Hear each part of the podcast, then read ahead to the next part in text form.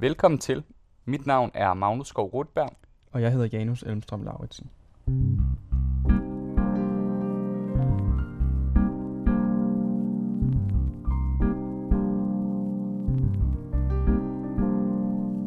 Magt er evnen til at sætte sin vilje igennem og nå sine mål.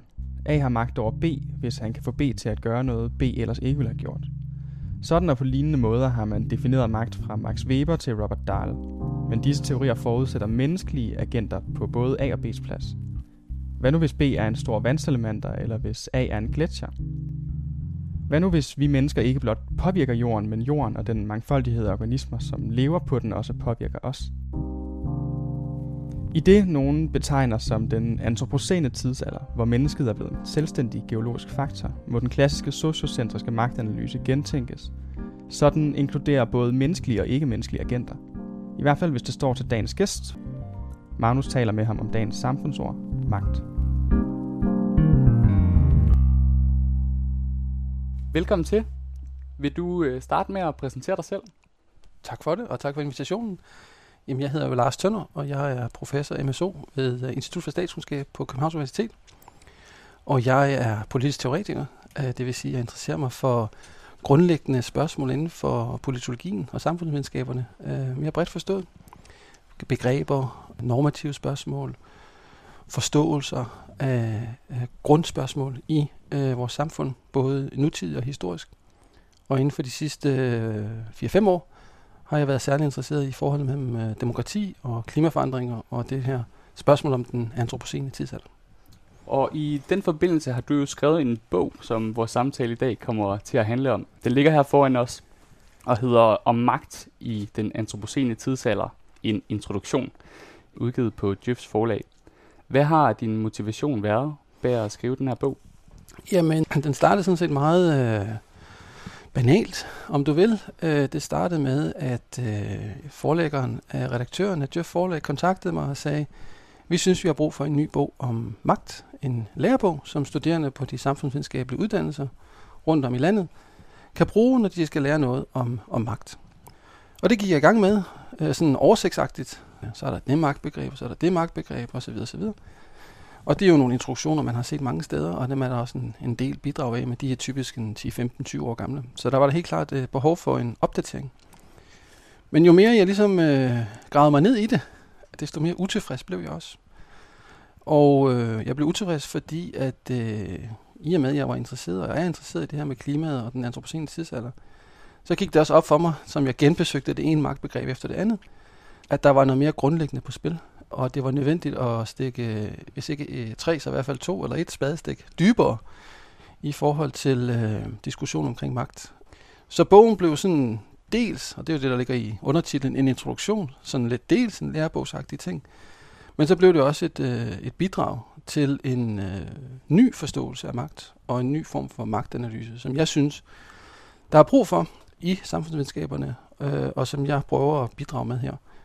Så det er sådan en, øh, en dobbelt motivation. Øh, det er både en motivation, der kommer fra undervisningslokalet, og så er det også en motivation, der kommer fra, fra forskningsverdenen. I dagens udsendelse, der er det magt, der er vores ord. Og hvis vi lige kan starte med en kort begrebsafklaring, så lægger du vægt på, at magt er et såkaldt essentielt anfægteligt begreb. Hvad betyder det, at noget er essentielt anfægteligt? Altså, øh, ideen om, at begreber er essentielt anfægtelige, det er sådan set en gammel idé, eller i hvert fald en idé, der har været øh, på bordet i de sidste ja, 50 plus år, og som jo er sådan en diskussion omkring, hvad øh, vores begreber inden for samfundsvidenskaben, hvilken status de har. Er de stabile? Ved vi en gang for alle, om de betyder det samme, uanset øh, tid og sted? Eller er der et eller andet med begreberne selv, som er underlagt en øh, historisk definitionskamp, øh, som vi ikke kan se bort fra. Og hvis man siger, at noget er essentielt anfægteligt, jamen, så har man jo ligesom sagt, at øh, der findes nok ikke en bestemt kerne, eller i hvert fald at den kerne, der findes, ikke er givet en gang for alle. Der ligger det i det, at begrebet, hvad enten det er magt, eller frihed, eller retfærdighed, eller noget andet, ikke som sådan har nogen fast definition, øhm, og vi ikke kan udelukke alt det, der foregår rundt om begrebet. Og vi skal ikke blive overrasket, øh, hvis vi bliver uenige om, hvad begrebet faktisk betyder. Så vi kan godt have, du og jeg kan godt have en snak om, om det ene eller andet er magt, eller det ene eller andet er et udtryk øh, for frihed eller noget andet. Og det er sådan set en del af begrebsdefinitionen. Det skal ligesom med i, og det skal ligesom øh, informere vores forståelse og brug af begrebet. Så ligger der også det i det yderligere, som er vigtigt for mig også i bogen, især hen mod slutningen, at øh, et essentielt anfægteligt begreb også ikke blot er deskriptivt, altså noget, der sådan gør redde for tingene neutralt, men at et begreb også har en normativ betydning. Så når jeg siger, hun har magt, så giver jeg også en eller anden vurdering af, om det er godt eller skidt, eller i hvert fald om den person er vigtig eller ej, altså en person, jeg skal lægge mærke til, eller ej. Så der ligger sådan en normativ, en værdivurdering, om du vil, som, øh, som gør begrebet ekstra anfægteligt. Fordi så er der selvfølgelig nogen, der vil sige, nej, hun har ingen magt, eller hun har for meget magt, eller hun har den forkerte magt, eller hvad det nu måtte være. Og så begynder de her normative diskussioner omkring det også at udspille sig. Øh, og det gør jo, at øh, diskussionen bliver kompleks. Den kommer til at operere på rigtig, rigtig mange niveauer og i mange forskellige dimensioner. Når man snakker om magt, så er der en helt central sondring, som er sondringen mellem det, du kalder for magt over eller potestas, og magt til eller potentia. Hvornår er den her sondring opstået, og hvad betyder det egentlig, at man kan have henholdsvis magt over og magt til? Altså, øh, begreberne, du refererer til, til på potestas altså og potentia, det er jo latinske begreber. Øh, så skældenen har nok været med os, i hvert fald lige siden øh, det latinske sprog blev udbredt som romeriet, og man kan nok også godt i den antikke græske sprog øh, finde noget, der minder om det. Øh, så den har været med os i rigtig lang tid. Den blev særlig øh, fremtrædende og vigtig i tiden omkring den moderne tidsalder, altså 1600-tallet, deromkring. Hvor man, når man læser øh, de politiske, filosofiske skrifter fra den tid, kan se, at øh, forfatterne var dybt uenige øh, omkring, hvilket ord, der skulle have forrang. For mig er det særligt i forhold til sådan en som Hobbes og sådan en som Spinoza. Øhm, Hobbes som fortæller for potestas, han kender udmærket godt potentia, og Spinoza som fortæller for potentia, han kender også udmærket godt øh, potestas. Og det er jo spændende, fordi den øh, tidlige moderne tid, det er også der, hvor mange af vores øh, forestillinger om, hvordan et samfund er skruet sammen, og hvordan det skal reageres, og hvordan det skal udvikle sig, kommer fra. Så det er jo en betydning, det er jo en, en skældning, som ligger dybt i samfundsvidenskaberne. Og det, som jeg så prøver at vise i bogen, det er jo så, at over tid, der har øh, protester, som du vil, vundet øh, diskussionen i forhold til potentia. De fleste magtbegreber i dag, de bygger på en forståelse af protester snarere end potentia. Og hvad betyder det? Ja, det betyder, at øh, vi har en tendens til, øh, vi har sådan en indbygget forventning om, at når vi snakker om magt, så snakker vi om noget, der har med dominans og repression at gøre. Og det er jo selvfølgelig en vigtig del af det. Øh, det kan vi ikke øh, komme udenom. Det er jo, når politiet har magt, eller når staten har magt, eller når læreren har magt over øh, eleverne, eller hvad pokker det måtte være, så er der sådan et dominansrelation, øh, der er bygget ind. Men der er jo også en anden form for magt. Den der mere magten til. Magten som noget, der skaber muligheder. Som noget, der sætter os i stand til at handle og uden hvilken vi faktisk ikke ville være agenter, som gør ting i verden. Så vi har jo ikke, normalt så vil man tænke på, at magt er noget, vi skal have mindre af. Øh, magt er noget, som er problematisk, øh, noget vi skal stille os udenfor. Det er noget, kynikere har og sådan noget. Ikke? Øh, hvor øh, magten til jo er noget, som man selv, hvis man er progressiv eller interesseret i at skabe fællesskaber, hvad det måtte være, vil være interesseret i at dyrke. Så hvis man siger, hvad den har haft betydning for magtanalysen, ja, så har den ligesom farvet vores forståelse af det. Den har fået os til, den har, den har skabt nogle blinde vinkler. Øh, og øh, de blinde vinkler vil jeg jo hæve vi betaler prisen for i dag. Hvis vi øh, starter med en af de her blinde vinkler, så øh, er der nogle helt klassiske definitioner af magt, som relaterer sig til protestas magten over. Hvis vi prøver at starte ved øh, Robert Dahl, en berømt øh, amerikansk politolog, som har en meget berømt magtdefinition, som øh, man også kalder for magtens første ansigt, som lyder, at A har magt over B i det omfang, hvor han kan få B til at gøre noget, som B ellers ikke ville have gjort. Hvordan forstår du den her magtopfattelse, og hvilken betydning har den haft for samfundsvidenskaben og vores generelle diskussion om magt? Jamen, jeg forstår den jo præcis som et udtryk for protestas. Jeg forstår mm. den som et udtryk for, at den her diskussion om magten over har vundet øh, definitionskampen. Øhm, jeg forstår den også meget snæver, øh, som at give os et, øh, et meget, meget øh, snævert syn på, hvad magt gør i samfundet. Den har haft kolo enormt stor betydning for udviklingen af det, man i USA kalder for political science, og det, som vi hjemme kalder for statskundskab eller politologien. Den har simpelthen sat øh, forskningsprogrammer i, i gang over hele verden, og ligesom defineret, hvad god videnskab er. Der ligger jo det i det, at man skal kunne skelne A fra B. Altså A og B må ikke på en nogen måde. Altså, de har selvfølgelig en relation, men den relation er en, hvor de ikke, hvad skal man sige, er genstidigt konstituerende. Altså A står over for ved siden af B, øh, og vi antager, at A og B sådan set er klart defineret. Øh, så vi antager, at der er en interesseorganisation, vi antager, at der er en borgerrettighedskæmper, vi antager, at der er en eller anden agent, som står over for en anden agent, der er lige så klart defineret. Og så påvirker de hinanden øh, sådan meget kausalt, om du vil. Det er for mig at se en, en meget øh, snæver forståelse, og typisk ikke rigtigt det, der er på spil. Der foregår en masse ting udenom, øh, som er med til at informere det her øh, billede. Øh, så synes jeg også, at, øh, og det er ligesom det, jeg også jeg prøver at øh, øh, vise i bogen, at det er en meget menneskecentreret tilgang til magt. Øh, det, som jeg kalder for en sociocentrisk øh, tilgang. Det er i virkeligheden en, en forståelse, der kommer tilbage fra Weber. Så på den måde er Weber og, og Dahl for så vidt ikke særlig forskellige fra hinanden. Dahl øh, opdaterer det og sætter det ind i det her positivistiske, behavioristiske videnskabsparadigme, hvor det handler om at øh, måle, hvor det handler om at finde kausale forhold, og hvor det handler om at forholde sig, og det er jo det, jeg siger, naivt øh, til samfundsvidenskabernes værdineutralitet. En anden tænker, som er svær at komme udenom, når man snakker om magt, det er øh, den franske samfundsteoretiker Michel Foucault. Foucault går jo på mange måder op med den her klassiske magtforståelse, som er repræsenteret ved Weber og Dahl, og også andre tænkere, som vi kan komme ind på en anden god gang. Hvad er det ved Foucaults magtbegreb, som gør det så specielt, og som gør, at det er uomgængeligt i enhver diskussion af magt? Altså jeg har jo selv, øh, og det er jeg også i bogen, stærkt inspireret af Foucault. Jeg synes, at øh, hans diskussioner af magt, øh, som han sådan for alvor udvikler der i midten af 1970'erne og frem øh, mod øh, hans diskussion omkring seksualitet, at de er helt afgørende og banebrydende for den måde, hvorpå vi kan øh, forstå magt og bedrive øh, samfundsvidenskab. Magt for Foucault er jo det, han kalder for allestedsnærværende. Og det vil sige, at i modsætning til øh, Dahl, så har han det brede blik på. Det vil han i hvert fald gerne sige, han har.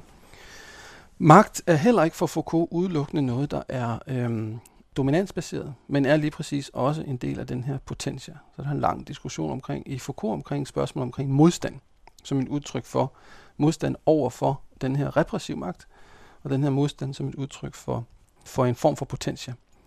Så for mig at se, så har Foucault mange af de greb, vi har brug for, og, og han sætter det ind i den her forståelse af øh, diskurser og af samfundsinstitutioner og af sådan en, han kalder det en genealogisk øh, udvikling. Øh, vi kunne også kalde det for en historisk udvikling. Der er selvfølgelig nogle, nogle ret fine øh, forskelle på, om man kalder det historisk eller genealogisk, men, men ideen om, at det skal sættes ind i en kontekst, og det skal sættes ind i en kontekst, som også i sig selv er et udtryk for en magtproduktion. Så på mange måder synes jeg, at Foucault han, øh, han har i, i bogen, øh, i forhold til det skridt, jeg ligesom tager, der er han den, der kommer tættest på, øh, om du vil. Så har jeg selvfølgelig en diskussion af, hvorfor han så ikke nødvendigvis er tilstrækkelig. Øh, hvorfor det er, at han, øh, han alligevel ikke kan regnes for at være en af de magttænkere, som kan hjælpe os med øh, fuldstændig øh, komplet at forstå de udfordringer, klimakrisen stiller os overfor. Og det er blandt andet på grund af det her. Og det deler han sådan set, synes jeg, med Dahl.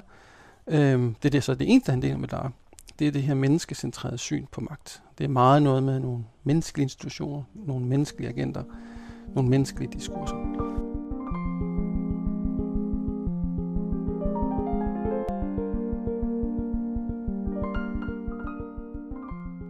Du siger, at øh, Foucaults magttænkning er for menneskecentreret. I, I bogen er et af dine centrale argumenter, at stillet over for den antropocene tidsalder, så bliver vi nødt til at gentænke det her magtbegreb og gøre op med den her sociocentriske bias. Men hvad vil det egentlig sige, at vi lever i en antropocen tidsalder? Og hvorfor har det så stor betydning for en analyse af magt? Det er et rigtig godt spørgsmål. Øh, og det er det ikke bare fordi, at, at du stiller det. Det er fordi, at øh, det er et spørgsmål, som vi kæmper med øh, i de her år. Øh, hvad det vil sige. Det har jo ligesom en snæver definition, som handler om, at øh, vi skal forstå mennesket som en geologisk kraft på lige fod med andre naturkræfter. Og det, det er også rigtigt, hvis man kigger på, vi snakker om menneskeskabte klimaforandringer. De menneskeskabte klimaforandringer øh, sætter sig jo i vores økosystemer, sådan så at de her økosystemer forandrer sig radikalt. De ændrer ligevækstpunkter, de ændrer øh, udviklingsretninger øh, osv.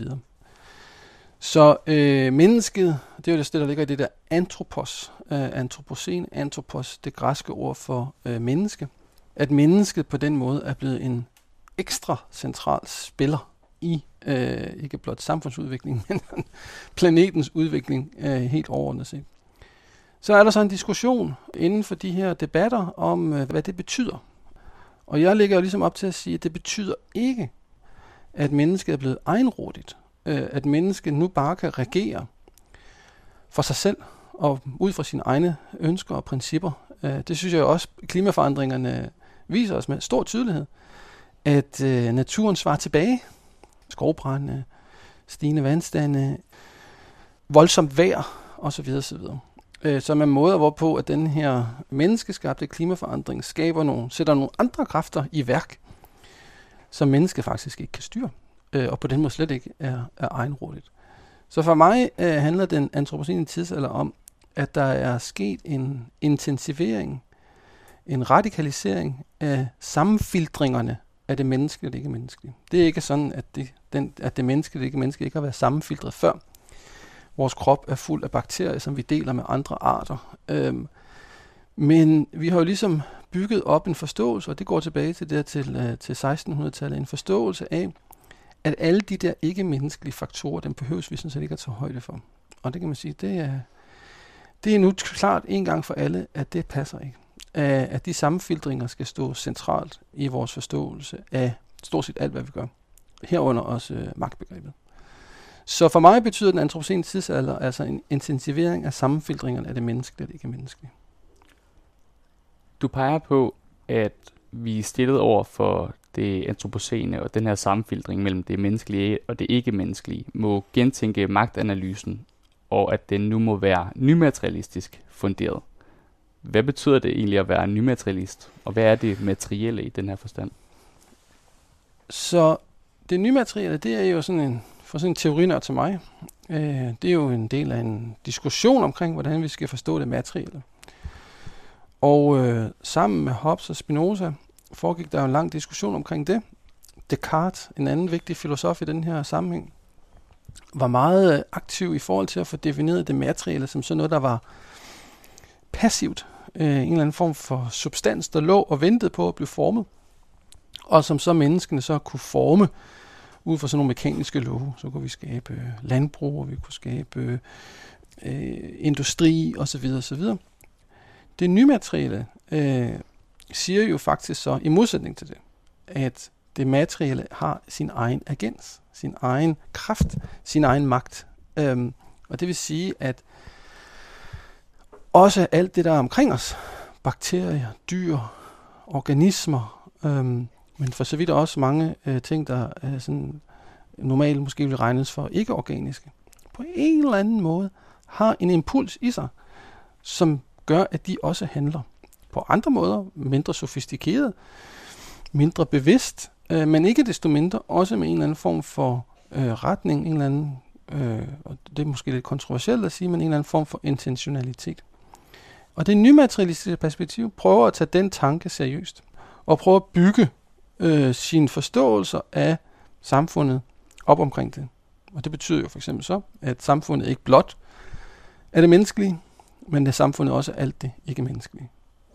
Vandsalamenterne ude på Amagerfællet, dyr øh, op øh, omkring Limfjorden, og hvor pokker ellers vi går, de er alle sammen en del af det her samfund. De deltager i det udvikling, som vi så er en del af, og som vi måske har bildet os ind, at vi kan bemægtige men som øh, det viser sig, at vi har store problemer med at bemægtige, og faktisk hvis vi prøver at bemægtige det, øh, ikke skal regne med at øh, overleve mange hundrede år mere, øh, hvis vi fortsætter på den vej, som vi er på vej nedad i øjeblikket.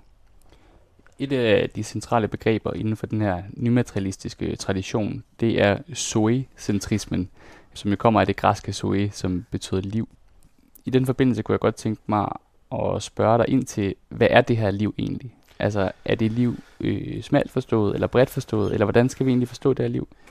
Jamen, det er jo der, øh, at øh, øh, min interesse i magt og min interesse i, i Zoe, i liv, øh, falder sammen. Fordi jeg synes jo faktisk, at, øh, at liv har ikke nogen essens. Øh, det er ikke sådan, at liv skal leves på en bestemt måde, eller kun kan leves på en bestemt måde.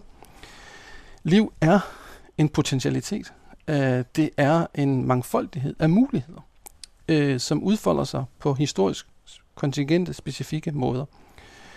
Så på den måde øh, tror jeg nok, jeg kommer til i bogen nærmest at antyde, at der ikke er nogen på den måde forskel på, vi kan forstå magt som Zoe, og vi kan forstå Zoe som magt. Der ikke er nogen kategorisk forskel på de to. Og det skal du så holde op imod den her idé om det her med socientrisme, som er sådan den smalle, i mine øjne smalle øh, forståelse, også af magt. Altså bliver magt på den måde, altså i en Foucaultiansk forstand, alle stedsnærværende, men altså øh, på en endnu bredere måde, end, end, end vi hidtil har, har forestillet os det. Man kan jo sige, at det er en relativt radikal tanke, det her, øh, som jo går op med mange hundrede års tradition for at tænke dualistisk, altså at man har en krop og en sjæl, at man har natur og kultur, man har måske en gud og et menneske. Hvorfor er det, at, at, at man bare sådan lige kan gøre op med den her dualisme, og, og hvad er det, det tjener? Jamen, øh, det kan man heller ikke bare lige jo, fordi øh, vi bruger de her dualismer i vores sprog til hver, en, til hver tid. Uh, vi går til kulturforestillinger, og så går vi i teateret, og så går vi ud i naturen, og så ser vi noget andet, og så kan man dyrke det ene mere end det andet. Så det er ikke så nemt bare lige at gøre op med. Uh, som politisk teoretiker er jeg jo så interesseret i den her definitionskamp. Øh, prøver jo selvfølgelig på forskellige måder. Øh, I undervisningslokalet, i forskningspublikationer, og i samtaler som denne her, og gøre opmærksom på, at, øh, at de dualismer spænder ben for os. Øh, og det gør de øh, analytisk, og det gør de normativt. De gør det analytisk, fordi vi kommer til at lave nogle analyser af det samfund, vi lever i, som er mangelfulde. Øh, vi kommer til at forestille os, at øh, når vi snakker om Amagerfællet, så snakker vi kun om Socialdemokratiet, der gerne vil have nogle bygninger, og så er der nogle andre mennesker, som ikke bo der eller ikke vil bo der. Men der er jo alle de her andre agenter, som kalder på opmærksomhed, og som kalder på, at vi skal øh, handle anderledes. Så vores, øh, sådan rent, om du vil, videnskabeligt, bliver det ret utilfredsstillende, i mine øjne i hvert fald, at opretholde det her øh, relativt snævre øh, fokus. Normativt spænder det også ben for os. Ja, vi snakker i øjeblikket om, at der er stort set ikke nogen, der er uenige i, at vi skal lave om på vores samfund, og vi skal bekæmpe klimaforandringerne. Øh, og øh, og det, det er jeg helt, helt, helt enig i. Min pointe er så bare, at hvis vi gerne vil det, så skal vi også have nogle normative argumenter for det. Hvorfor er det, at klimaforandringerne er et problem? Om for mig at se, at den mest øh, effektive, den mest inspirerende, og for så vidt også den mest rigtige måde at gøre det på, det er at, at sige, at alt det, der ikke er menneskeligt, alt det, som vi snakker om, når vi snakker om klimaforandringerne, har en agens, altså har en vitalitet, en evne til at handle, og derfor har de også en normativ værdi, på lige fod med du og jeg. Øh, og hvis vi får det øh, perspektiv på banen, så tror jeg også sådan set, at vi står endnu stærkere i at forklare, hvad det er for nogle øh, forandringer, og øh, forklare, begrunde, hvad det er for nogle forandringer, og inspirere folk til at lave de forandringer. For det handler sådan set om et samfund, der er meget bredere, øh, end det vi går og forestiller os. Ja, altså inden for traditionen, så er det jo også det helt brede perspektiv, der nævnes. For eksempel så er den her Gaia-figur er meget fremtrædende øh, hos tænkere, som blandt andet øh, Bruno Latour. Øhm, og med Gaia skal vi jo forstå en eller anden moder jord eller Pachamama-skikkelse. Øh, øhm, er det en figur, der arbejder mod mennesket eller med mennesket, og, og, og hvilken rolle øh, spiller det her moder jord begreb? Øhm, jamen det, jeg tror, det, bestiller, det spiller mange forskellige roller. Det spiller en mobiliserende rolle. Det er noget, man kan, eller en orienterende rolle. Altså, det er noget, man kan orientere sig imod. Det er noget, man kan kæmpe for. Øh, det er noget, man kan øh, slutte sig sammen om. Øh, I bogen øh, snakker jeg om forskellige fortolkninger af den antropocene tidsalder og den her Gaia-figur står sådan ligesom over for Prometheus, øh, som er den her øh, græske øh, gud, som bemægtiger sig ilden, øh, og som gør sådan set, at menneskene begynder at begå hybris, øh, fordi de tror, at de kan styre ilden, og de ikke kan. Og ilden er jo her sådan et symbol på maskiner, på damptog øh, og olieudvinding osv. osv. Ikke? Øhm, og så er der den her Gaia-fortolkning, som, øh, som en anden forståelse af den antropocene tidsalder. Og øh, det, den gør for mig at se, det er også det, jeg tror, den bliver brugt til, er folk som, øh, som Latour, øh, Isabel Stengers og, og andre. Øh, det er nogle gange metaforisk, øh, og nogle gange sådan rent øh, bogstaveligt. Øh, men det, der er ligesom er målet, det er jo også at få decentreret mennesket. Ligesom at få sagt, at den her planet øh, handler ikke kun om, at menneskene skal have det godt, eller den handler ikke kun om, at øh, menneskene står i centrum af øh, vores planet. Der har nogle kræfter, der faktisk øh, ligger over, under, ved siden af os, som handler på måder, som, øh, som vi ikke øh, bestemmer entydigt. Øh, og der er jo den her myte omkring moder jord, som øh, sætter liv i verdenen, øh, som øh, føder børn og som øh, skaber muligheder, men jo som også øh, tager hævn, øh, hvis det er, at øh, folk gør noget bag om ryggen på hende, og som på den måde har en, øh, en anden øh, ikke menneskecentreret retfærdighedsforståelse, og som, øh, om du vil, øh, sætter menneskene på plads, øh, eller i hvert fald minder menneskene om, at øh, de er ikke de eneste på den her planet. Så, så som billede, øh, synes jeg, det, det, det er en god figur, og den kan bruges til at anskueliggøre øh, nogle af de ting. Den kan også minde os om, at øh, den måde, vi tror, verden hænger sammen på, jo ikke nødvendigvis altid er sådan. Så altså i den antikke græske mytologi og filosofi, der var der jo masser af diskussioner omkring det her. Og der kan man ligesom se, hvis man ligesom har tid nok og sætter sig ned og læser øh, idé- og filosofihistorien, jamen så kan man jo se, hvordan at vores forståelser langsomt har indsnævret sig og taget nogle retninger, som i virkeligheden, som jeg har sagt, øh, spænder ben for det, vi alle sammen gerne vil, nemlig at leve et, et godt og sundt liv. Du beskriver lige frem magten som et plus-minus-spil. Det står lidt i kontrast til en traditionel opfattelse af magt som sådan et nulsumspil, hvor at når den ene får magt, så er der en anden, der mister magt. Hvad betyder det, at magten er et plus-minus-spil? Jamen, øh, det har du helt ret i. Altså, hvis vi går tilbage til vores diskussion af, at der A har magt over B, øhm, dermed også sagt, at øh, B ikke har nogen magt, eller i hvert fald har mindre magt, og øh, øh, jo mere magt A får, øh, som du siger, så får B øh, mindre magt. Det er jo faktisk sådan, øh, synes jeg, når man tager de her, de her nymaterialistiske briller på, og begynder at interessere sig for ikke bare protester, altså, men potens, altså magten til, at man kan se, at øh, mange gange, så kan en forstærkelse af en agents magt øh, i en større sammenhæng faktisk også forstærke alle de andres.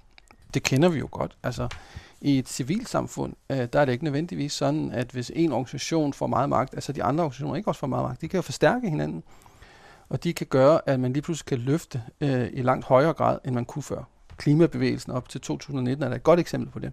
Øh, alle mulige organisationer, der forstærker hinanden og skaber en, en transformationsproces, øh, som, er, som er nok er langt mere vidtrækkende, end hver enkelt af de her øh, organisationer kunne håbe på. Det samme med, øh, med, sådan med økosystemer. Øh, et økosystem, hvor der er forskellige agenter i spil, de behøver ikke nødvendigvis øh, være sådan, at det ene udelukker det andet.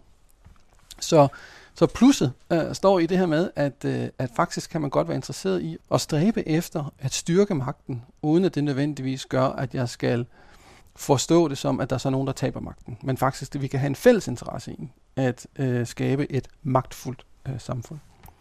Minuset ligger så i, at vi kan jo gøre det modsatte. Altså, vi kan godt bilde os selv ind, at ham her herover, han har godt nok meget magt, øh, fordi han kan undertrykke den anden person her. Men i bund og grund, Øh, hvis vi så kigger på det lidt større perspektiv, så har de faktisk mindre magt, end de kunne have haft, hvis de havde indgået i en anden relation. Så, så der ligger også det her med, og det synes jeg egentlig klimaforandring er et udtryk for. Ikke? Altså vi kan godt tro, at vi er en enormt magtfulde samfund. Vi kan udvinde olie, vi kan nu også om nogle få år tage den her CO2 og putte den tilbage i undergrunden, og vi kan på den måde virkelig bemægtige os. Men, men altså, er det et magtfuldt samfund i, på lang sigt? Ja, det er i hvert fald ikke et bæredygtigt samfund.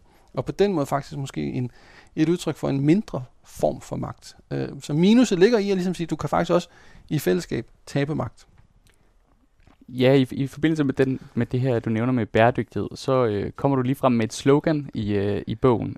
Et slogan for den nymaterialistiske øh, magtforståelse, hvor du meget poetisk øh, skriver, For at skabe nyt og bæredygtigt liv, må magtens mangeartede potentialitet blomstre gennem gradvise og virtuelle former. Og det leder mig jo hen til at spørge ind til dels den her potentialitet, hvad ligger der i det, og dels om magten kan gradbøjes. Altså, er der forskellige former for magt, og, og, og hvordan kommer de til udtryk? Altså i forhold til potential, potentialiteten, øh, der ligger jo det her ideen om, at der er en, man har, eller der er en evne til at skabe og genskabe relationer. Og at den evne altid overskrider det bestående. Så der er faktisk ikke nogen grænser for magten. Øhm, magten bliver ved med at tage nye ansigter, bliver ved med at tage nye genstandsformer. Og det ligger sådan set, om du vil, i magtens natur. Nu sætter jeg natur i anførselstegn, fordi normalt så tænker jeg natur som sådan noget essentielt, og det er jo lige præcis det, jeg ikke vil sige. At der ligger det her med, at magten hele tiden vender sig mod sig selv, øh, og hele tiden udfordrer sig selv, og hele tiden overskrider sig selv. Og der ligger der i det her magtens mangeartede potentialitet, at, at det er ligesom det, der gør sig... Øh, det, hvis vi skal sige noget om, hvad magt er, øh, så er det, at den har den her mangeartede potentialitet. Og det, det går ud på, øh, for mig at se, hvis vi er enige om, at magt og liv er så tæt forbundet med hinanden, som jeg tror, de er, jamen så handler det om at skabe, om du vil, forstærke livet, øh, forstærke øh, livets udtryksformer. Så, så det er det, der ligger i det. Øh, og så spørger du så, om, om magten kan gradbøjes. Og det, det prøver jeg i hvert fald i bogen at anskueliggøre. Og det er måske et af de bidrag, øh, jeg selv prøver at komme med i forhold til den nymaterialistiske filosofi, hvor man nok har haft en tendens til at, at tænke den her potentialitet som sådan et øh, som en abstrakt øh, ting, øh, som sådan en, der bare kan, der betyder det samme hele tiden. Det gør det jo ikke. Så jeg har prøvet ligesom at, at anskueliggøre det ved at sige, at der er i hvert fald to dimensioner. Der er sikkert flere, men der er i hvert fald to dimensioner, vi kan tage med. En handler om intensitet, og en anden handler om tid. Så potentialiteten kan komme til udtryk på sådan en meget kort, en meget kort tidshorisont, eller på en længere tidshorisont, og den kan komme til udtryk meget intensivt eller mindre intensivt. Øhm, og det, jo, det, det kan vi jo så bruge til at forstå, hvordan forskellige former for potentialitet kommer til udtryk. Altså når en, når en, øh, en gletsjer øh, kælver, det er jo en ekstrem eksplosiv, men også relativt kortvarig eksplosion, udtryk af potentialitet Overfor, øh, det står måske, kan sammenlignes øh, med en revolution eller et eller andet. Ikke? Ikke nødvendigvis særlig bæredygtigt, fordi systemet kommer fuldstændig ud af ligevægt, og på den måde øh, mister øh, sin sammenhængskraft. Det kan også være en fuser, altså øh, et stykke fyrværkeri, som øh, skulle til at eksplodere, men som så ikke har den intensitet, der skulle til for at eksplodere.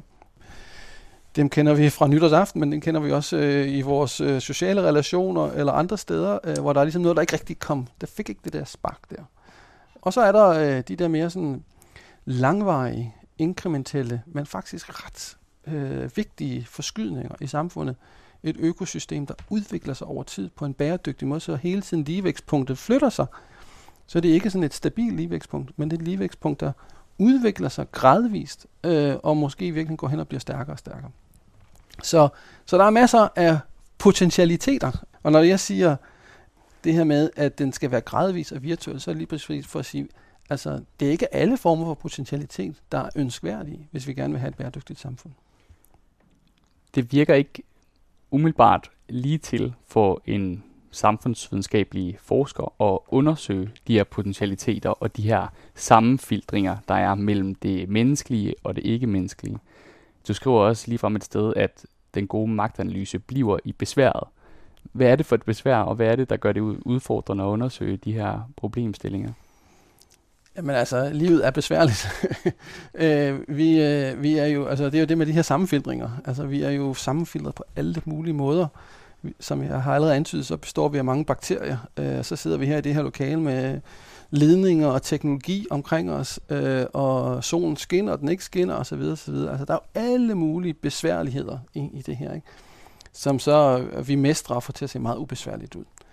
Øh, så, så en samfundsanalyse skal ligesom ind i de der besværligheder. Øh, jeg synes nogle gange, at vi har en tendens til i samfundsvidenskaberne, bredt forstået, øh, at prøve ligesom at øh, gå efter det simple, og gå efter det, der kan måles eller vejes, eller det, der kan klart identificeres.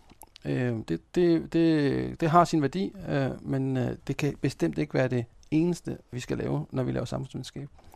Så i bogen prøver jeg jo ligesom at foreslå, at man tager andre metoder i brug. Nu er bogen jo primært skrevet fra et statskundskabsperspektiv, selvom jeg kalder det for samfundsvidenskaberne. Men der er ingen tvivl om, at statskundskaberne kan lære af antropologerne, øh, kan lære af geologerne, kan lære af, af humanisterne, kan lære alle mulige andre, som i deres undersøgelser også kommer ind på nogle af de her ting, som vi er interesseret i. Så det handler om, at øh, primært for mig så handler det også om at komme nogle andre steder hen.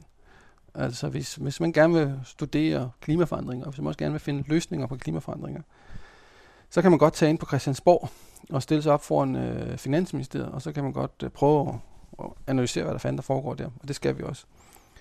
Men øh, jeg tror, man får mindst lige så meget, og hvis ikke mere ud af det, hvis man nu stiller sig op ud på den der øh, gletscher, på den der havnekant, på den der slette, på den der, øh, det der ocean, eller hvor det pokker det nu er, at tingene sker. Og prøv at finde ud af, hvad foregår der derude? Og hvad er det så for nogle, hvad er det så for nogle, hvis man starter der, og så ligesom trækker sig til, og så prøver at regne sig tilbage, så kan det godt være, at man ender nogle andre steder, og man ser nogle andre muligheder, end dem man gjorde, hvis man lige med det samme gik ind på Christiansborg Slotsplads og stillede sig op dernede og prøvede at lave sin analyse. Så det er også det, jeg mener med besværet. Vi skal lidt ud af vores comfort zone øh, i forhold til at lave øh, samfundsvidenskabelige analyser. Handler det her også om, øh, hvis vi vender tilbage til den helt første øh, magtdefinition, at vi måske bliver nødt til at gå væk fra at analysere magten som magten over til magten til? Det synes jeg jo, eller der er nogen, der, øh, mine gode kollegaer nogle gange skyder mig i skoene, at jeg glemmer det her øh, dominansforhold. Og det gør jeg nok, men det gør jeg, synes jeg, kun strategisk, fordi jeg synes, der er så meget vægt på det, så vil jeg gerne trække øh, pendul over den anden retning. Øhm, så det er ikke et enten eller, øh, nødvendigvis. Øh, men jeg er nok af den opfattelse, at af de to magtforståelser, magten til og magten over, der er det magten til, der sådan set er den mest grundlæggende. Øh, det er den, der kommer os tættest på den her potentialitet, og på den her mangeartede, overskridende, over, altså hele tiden udviklende øh, element. Altså, øh, vi kender jo ikke noget autokrati, vi kender ikke nogen former for øh, repression, som har vist sig at være fuldstændig urørlige. Og det, det for mig er et tegn på, det er en meget spinozistisk tankegang, men det er for mig et tegn på, og det er meget Foucaultiansk tankegang, at der er den her modstand og mulighed for overskridelse, som altid ligger et eller andet sted.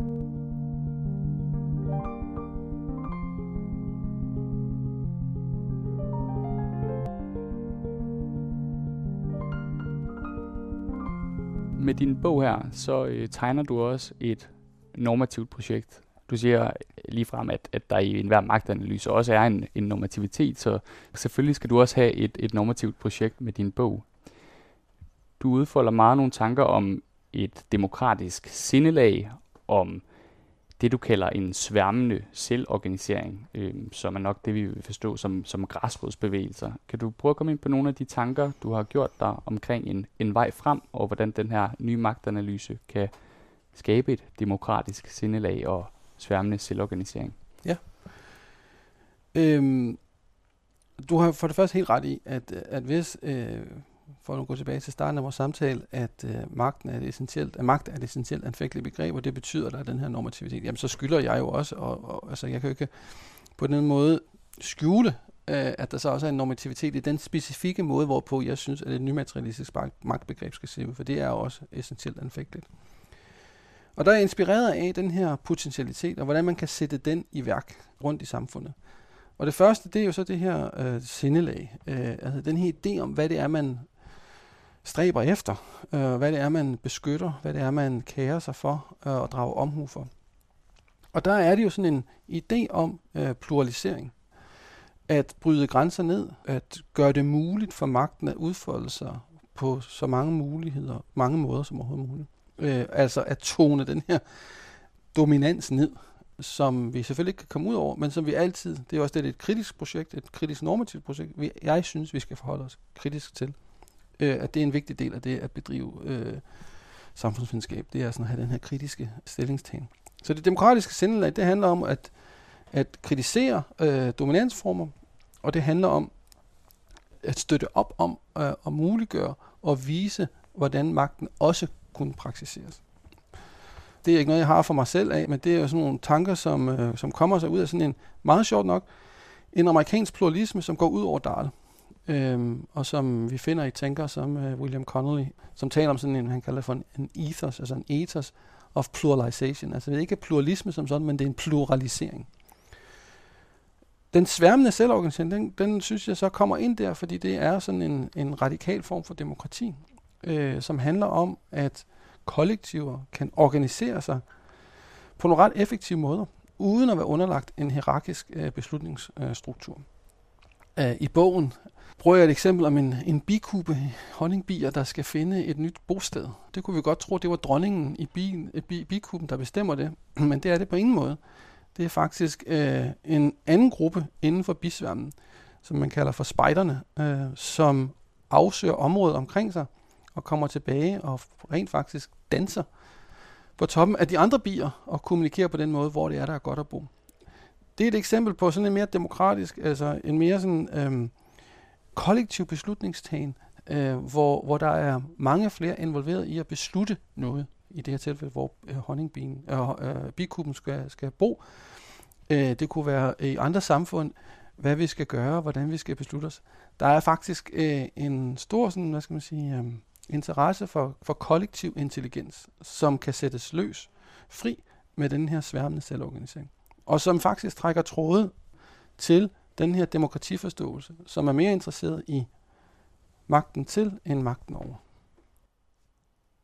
Nu øh, stiller du jo nogle ret høje krav til samfundsvidenskaberne, kan man sige. Du har både et, et normativt projekt, øh, et ret opbyggeligt projekt i forhold til, at man skal inspirere til et demokratisk sindelag og nye organisationsformer, samtidig med, at man skal undersøge nye sammenfiltringerne mellem det menneskelige og det ikke menneskelige på, på nye måder. Hvad ser du som det afgørende for, at samfundsvidenskaberne også kan gøre sig gældende på sigt i den her antropocene tidsalder? Jeg snakker jo om i bogen, at øh, hvis samfundsvidenskaberne vil blive ved med at være relevante, øh, det snakker vi jo meget om i, i de her år, øh, hvad det er, at vi har universiteterne for, og hvad det er, vi har uddannelserne for, og hvad det er, vi har øh, forskningen til, hvad den skal gøre. Og, øh, og samfundsvidenskaberne er selvfølgelig også presset øh, i forhold til både regeringens forventninger, samfundets generelle forventninger, til øh, den viden, de kan bringe til veje. Og øh, spørgsmålet nogle gange melder sig, øh, hvorfor kan vi ikke bare overlade det til nogle naturvidenskabelige teknokrater, øh, som jo har den viden, der skal til for at øh, forstå, hvordan verden hænger sammen, øh, og som har øh, pengene til det, og som har teknologien. Hvorfor skulle vi ikke bare gøre det? Og det synes jeg egentlig er et ret godt spørgsmål. Det kan, øh, jeg sover rimelig godt om natten, men det kunne godt holde mig vågen om natten, øh, øh, hvis man har tænkt for meget over det. Samfundsvidenskaberne, tror jeg, har det at byde ind med, at øh, et samfund er også noget, som handler om relationer mellem øh, mennesker, og mellem mennesker og natur, og mellem øh, alle mulige former for, for agenter. Øh, samfundsvidenskaberne har også et normativt projekt, som handler om at øh, hjælpe samfundet med at blive så magtfuld, så pluralistisk, så skabende som overhovedet muligt. Og samfundsvidenskaben har et, et projekt, som handler om at minde alle de andre om, at, øh, at vi faktisk kan lære noget af hinanden, og ikke bare skal uddelegere øh, viden til nogen specielle. Øhm, så hvis man tænker på det, så, så, så, så, så er min opfordring til samfundsvidenskaben, det er jo sådan set at åbne sig op. At øh, ikke bare gøre det, som øh, der forventes af dem, men hele tiden presse på tilbage. Så når regeringen beder om samfundsvidenskabelig forskning, der handler om grøn omstilling, så siger vi ja, men hvad betyder grøn omstilling her? For hvem er grøn omstilling? Med hvilken formål har vi grøn omstilling? Øh, og så videre. Når regeringen siger, vi skal, vi skal hvad hedder det, skabe rammerne for, øh, for forskellige nye former for teknologi, så er det vores opgave at sige, jamen hvem er det, der er involveret i den teknologi, på hvilken bekostning, øh, og på hvilken, øh, med hvilket formål. Så, så det er ligesom det, jeg synes, samfundsskaberne har en relevans, og måske nogle gange øh, ikke helt er sin opgave voksne nok. Jeg taler også om, at samfundsskaberne skulle være et laboratorium. Et laboratorium for de her nye samfundsformer, som vi har i samfundet. Det handler om øh, igen at komme lidt ud, komme ud blandt folk, komme ud blandt naturen, komme ud øh, der, hvor livet er besværligt, øh, men hvor, hvor også hvor, hvor livet udvikler sig på nye og helt fantastiske måder. Ønsker man at komme endnu tættere på en retvisende forståelse af, hvad magt vil sige i det antropocene samfund, er Lars Tønders bog med titlen Om magt i den antropocene tidsalder, en introduktion, udgivet på Djøfs forlag, et usædvanligt godt sted at starte. Du har lyttet til Samfundsord på den anden radio. Programmet er produceret og tilrettelagt af Magnus Skov Rutberg og Janus Elmstrøm Lauritsen. Tak til vores gæst, professor MSO ved Institut for Statskundskab på Københavns Universitet, Lars Tønder. På genhør.